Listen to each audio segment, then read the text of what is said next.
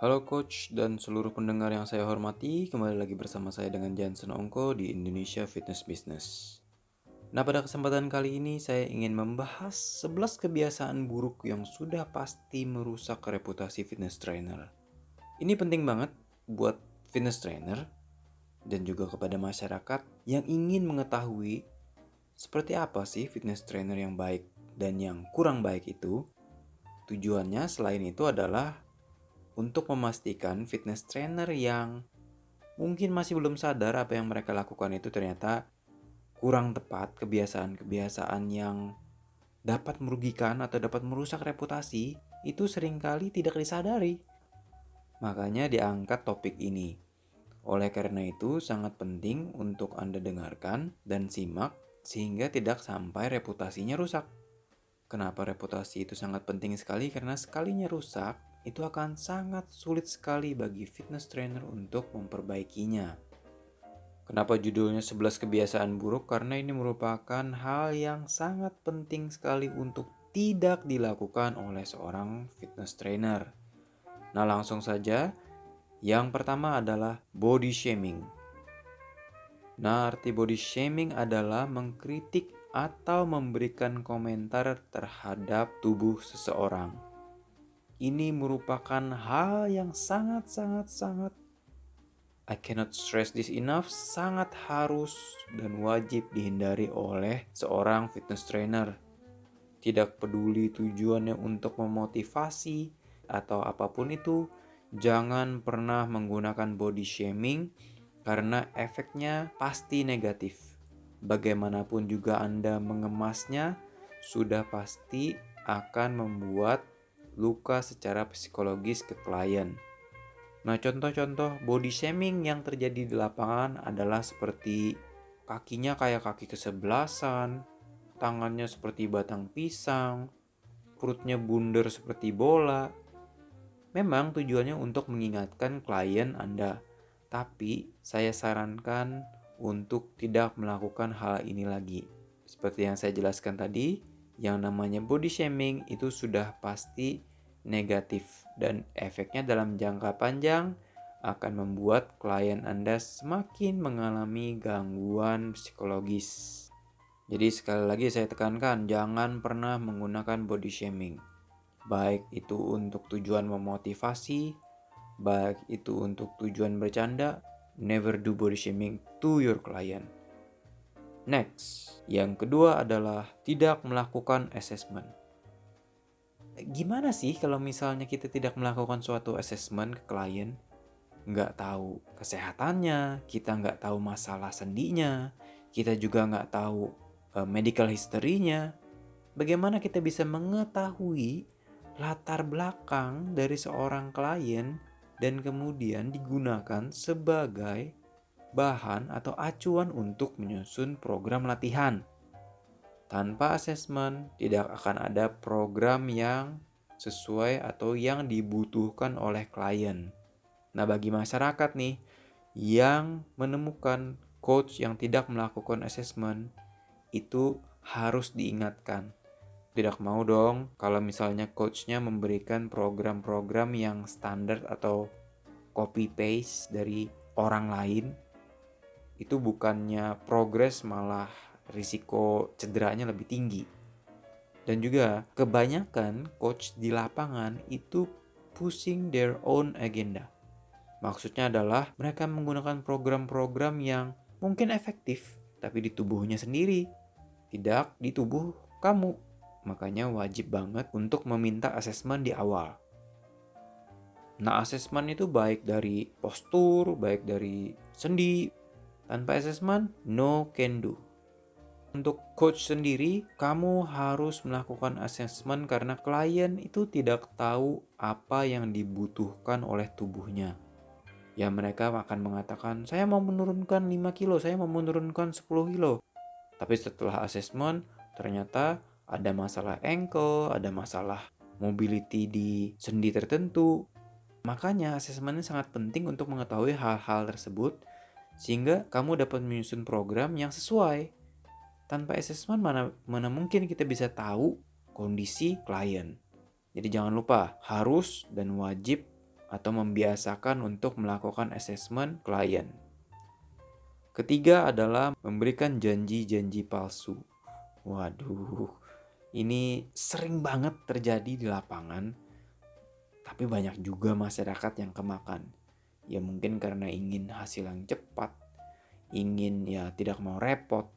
Jadi coach yang promising quick result, cutting edge program, turun berat badan 10 kilo dalam satu bulan, dua minggu turun 5 kilo, that's impossible. Kalaupun possible akan berbahaya untuk kesehatan kamu. Nah, untuk coach sendiri, jangan pernah memberikan janji-janji palsu untuk jualannya laris. Kenapa? ini benar-benar akan merusak reputasi kamu sebagai seorang coach dan hanya menciptakan masalah yang lebih besar daripada memberikan solusi kepada klien yang ingin atau akan Anda tangani. Memang merupakan suatu godaan ya. Temptationnya sangat besar sekali untuk mencoba program-program yang cutting edge yang benar-benar bisa memberikan hasil yang cepat. Tapi kembali lagi, yang namanya hidup sehat itu adalah proses proses dan proses. Hasil memang penting, cuman tanpa proses maka hasilnya juga belum tentu sesuai. No more quick result. Nah, yang keempat ini adalah kebiasaan yang sering kali dilakukan oleh oknum-oknum online coach, yaitu menyebarkan informasi yang tidak dapat dipertanggungjawabkan atau half truth yang cuma mengambil setengah atau sebagian dari suatu penelitian untuk mendukung pendapatnya. Buat masyarakat, jangan sampai langsung percaya dengan apa pun yang kamu dengarkan atau apa pun yang kamu baca, baik dari sumber yang super terpercaya atau yang terkenal, jangan. Hati-hati dengan informasi yang salah. Nah, untuk coach sendiri jangan pernah menyebarkan informasi apabila belum melakukan validasi, belum melakukan penelitian tentang informasi tersebut.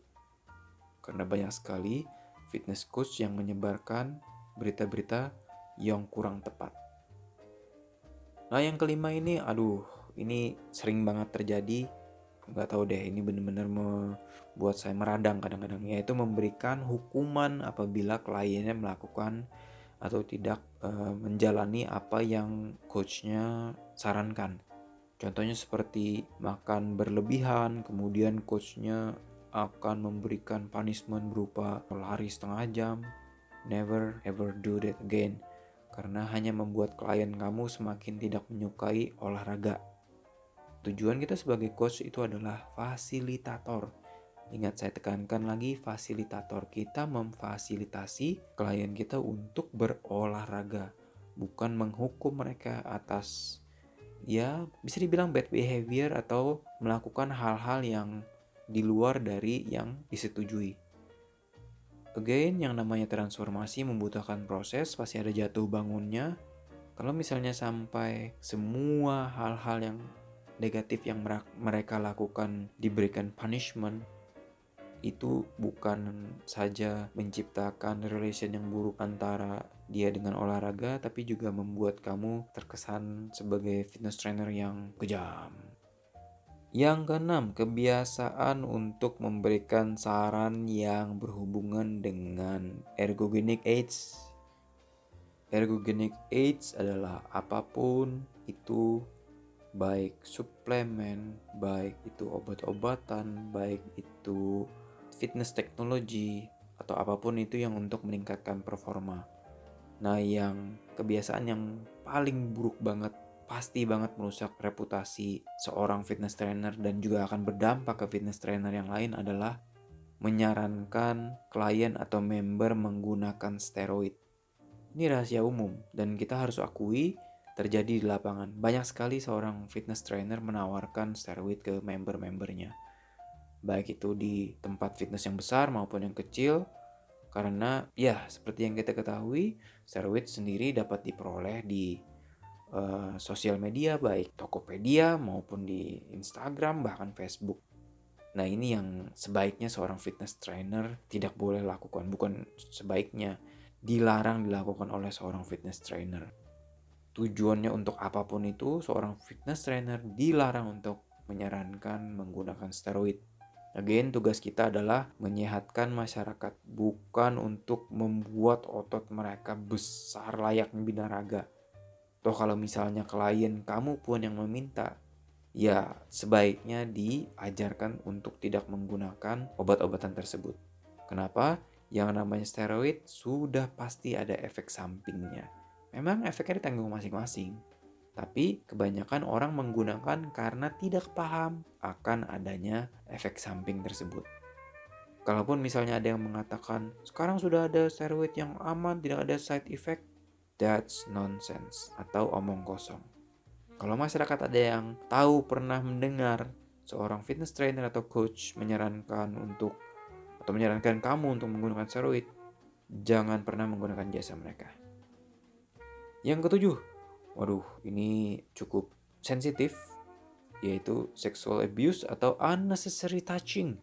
Banyak banget nih fitness trainer yang suka yang genit, yang suka pegang-pegang kliennya.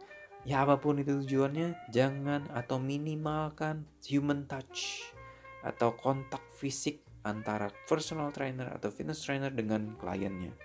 Karena tidak pantas. Kalaupun misalnya ingin melakukan massage atau PNF apa pun itu, atau untuk memberikan queuing yang lebih baik, selalu minta izin sebelumnya. Tanpa izin, jangan pernah memegang atau melakukan kontak fisik dengan klien. Nah, bagaimana dengan let's say benar-benar harus memegang? Yang bisa saya sarankan adalah menggunakan stick atau menggunakan media-media supaya tidak kulit ketemu kulit. Kamu bisa gunakan tongkat, kamu bisa gunakan bolpen, kamu bisa gunakan kertas, kamu bisa gunakan handphone mungkin untuk mengarahkan atau memberikan cueing ke tubuh klien. Tapi untuk kontak fisik kulit dengan kulit sebaiknya jangan. Nah, yang kedelapan adalah gossiping. Memang yang namanya personal training itu akan terjadi suatu conversation atau pembicaraan dari ngomongin A, B, C, F, D, makanan, hidup, hiburan, sampai dengan bisnis. Ya apa pun itu jangan pernah gosip negatif. Setergoda apa pun kamu sebagai seorang fitness trainer, jangan pernah ngomongin orang lain. Apalagi ngomongin klien lain, apalagi ngomongin coach yang lain. Karena satu tidak etis, Kedua, itu bukan hal yang pantas untuk dilakukan atau didiskusikan. Kalaupun memang benar informasinya, tetap saja sebaiknya jangan dilakukan. Nah, bagaimana kalau misalnya klien kamu mancing-mancing? Ya, bilang saja, saya tidak tahu, saya tidak tertarik, ayo fokus di latihan atau apa pun itu, pokoknya sebisa mungkin hindari yang namanya membicarakan orang lain, apalagi ngata-ngatain orang lain. Kalau misalnya kamu bisa melakukan hal tersebut ke orang lain, orang lain juga dapat melakukan hal tersebut ke kamu. Ya, bisa dibilang karma lah. Jangan pernah lakukan, oke? Okay? Nomor 9 adalah membandingkan progres klien A dengan B. Yang namanya membandingkan itu sudah pasti ujung-ujungnya akan terjadi suatu ketidakpuasan. Yang bisa dilakukan adalah membandingkan dengan progres sebelumnya tidak boleh membandingkan dengan orang lain karena kenapa? Yang namanya progres sudah pasti berbeda-beda. Begitu juga dengan hasilnya maupun programnya, kebutuhannya. Itu semua berbeda-beda. Kalau sampai dibandingkan, itu akan membuat suatu kebiasaan yang buruk dan membuat mindset yang tidak sehat untuk klien lebih baik dihindari. Ingat, kalaupun ingin membandingkan, bandingkan dengan progres bulan sebelumnya bukan dengan orang lain. Again, seperti yang saya jelaskan tadi, masing-masing orang memiliki progres yang berbeda-beda. Dan yang ke-10 adalah memaksa klien untuk extend padahal sesinya masih banyak banget. Ini biasanya dilakukan oleh coach yang lagi kejar target bulanan atau mungkin lagi butuh uang. Nah, yang harus dan wajib banget diingat oleh fitness trainer adalah kamu harus bisa memisahkan antara urusan pribadi dengan pekerjaan. Kalau kamu mix up dua ini, menggabungkan dua hal ini, percaya saya deh, reputasi kamu akan terancam. Saya paham sekali yang namanya target harus tercapai. Tetapi kembali lagi, sampai memaksa klien untuk extend sebelum waktunya, itu tidak etis. Nah, saran saya adalah menyerahkan hal ini ke bagian sales atau marketing. Karena yang namanya fitness trainer kerjaannya adalah coaching people. Boleh nggak jualan? Ya boleh. Tapi kembali lagi, lebih baik fokus di coaching saja. Urusan-urusan administrasi ya diserahkan ke bagian yang lebih ngerti. Yang ke-11 adalah kebanyakan lihat HP. Tidak terhingga laporan-laporan yang saya dapatkan dari masyarakat bahwa susah banget ngasih tahu coach untuk tidak main handphone atau tidak ngeliatin handphone terus saat sesi personal trainingnya berlangsung. Ini selain disrespectful ke klien dan juga sangat berbahaya sekali untuk klien Bayangin kalau lagi latihan, lagi ngangkat nih, lagi berat-berat, coachnya mainan handphone, tiba-tiba cedera, itu kan berbahaya ya. Pengecualiannya adalah menggunakan handphone sebagai timer atau sebagai jurnal dalam menulis latihan. Tapi yang namanya personal training, itu perhatiannya tentunya harus ke klien. Jadi jangan lupa, jangan main handphone. Kalau bisa handphonenya dilepas dulu, dikesampingkan dulu, fokus ke kliennya. Kalau misalnya posisinya dibalik, rela nggak kira-kira kamu sebagai klien mendapatkan fitness trainer yang sudah dibayar nih, tapi atensinya malah ke handphone atau malah mainan handphone. Jadi jangan lupa fitness trainer sebaiknya menyisikan handphonenya di saat melakukan atau sedang kondak sesi personal training. Nah itu tadi 11 kebiasaan buruk yang sebaiknya tidak dilakukan oleh seorang fitness trainer supaya reputasinya tidak hancur-hancuran. Kalau misalnya kamu merasa, wah masih banyak nih yang penting banget dan harus saya kasih tahu ke fitness trainer, tinggal bilang aja melalui direct message, chat, pokoknya kasih tahu, saya akan bikin versi keduanya untuk mengingatkan sesama fitness trainer. Nah untuk fitness trainer, jangan sampai reputasi kamu rusak dulu baru kamu menyesal. Karena yang namanya reputasi itu sudah seperti secari kertas. Sekalinya rusak, itu akan sulit sekali untuk diperbaiki. Reputasi sulit untuk dibangun, tapi mudah sekali untuk dihancurkan. Belajarlah dari kesalahan saya, belajarlah dari kesalahan fitness trainer lain, supaya reputasi kamu juga aman dan cepat berkembangnya. Nah untuk masyarakat, itu tadi 11 kebiasaan untuk bisa mengetahui fitness trainer yang mana yang baik maupun yang tidak baik. Kalaupun fitness trainer kamu yang saat ini melakukan salah satu atau seluruh dari 11 kebiasaan itu tadi, cukup diingatkan atau minta mereka untuk mendengarkan podcast ini. Karena yang namanya kebiasaan itu memang harus ada proses belajarnya untuk mengubah dari yang buruk ke yang baik. Jadi berikan mereka kesempatan untuk memperbaiki diri juga kalau misalnya mereka melakukan kebiasaan-kebiasaan buruk ini. Nah itu dia sharing saya tentang kebiasaan buruk yang dapat merusak reputasi seorang fitness trainer. Semoga bermanfaat dan sampai jumpa di lain kesempatan.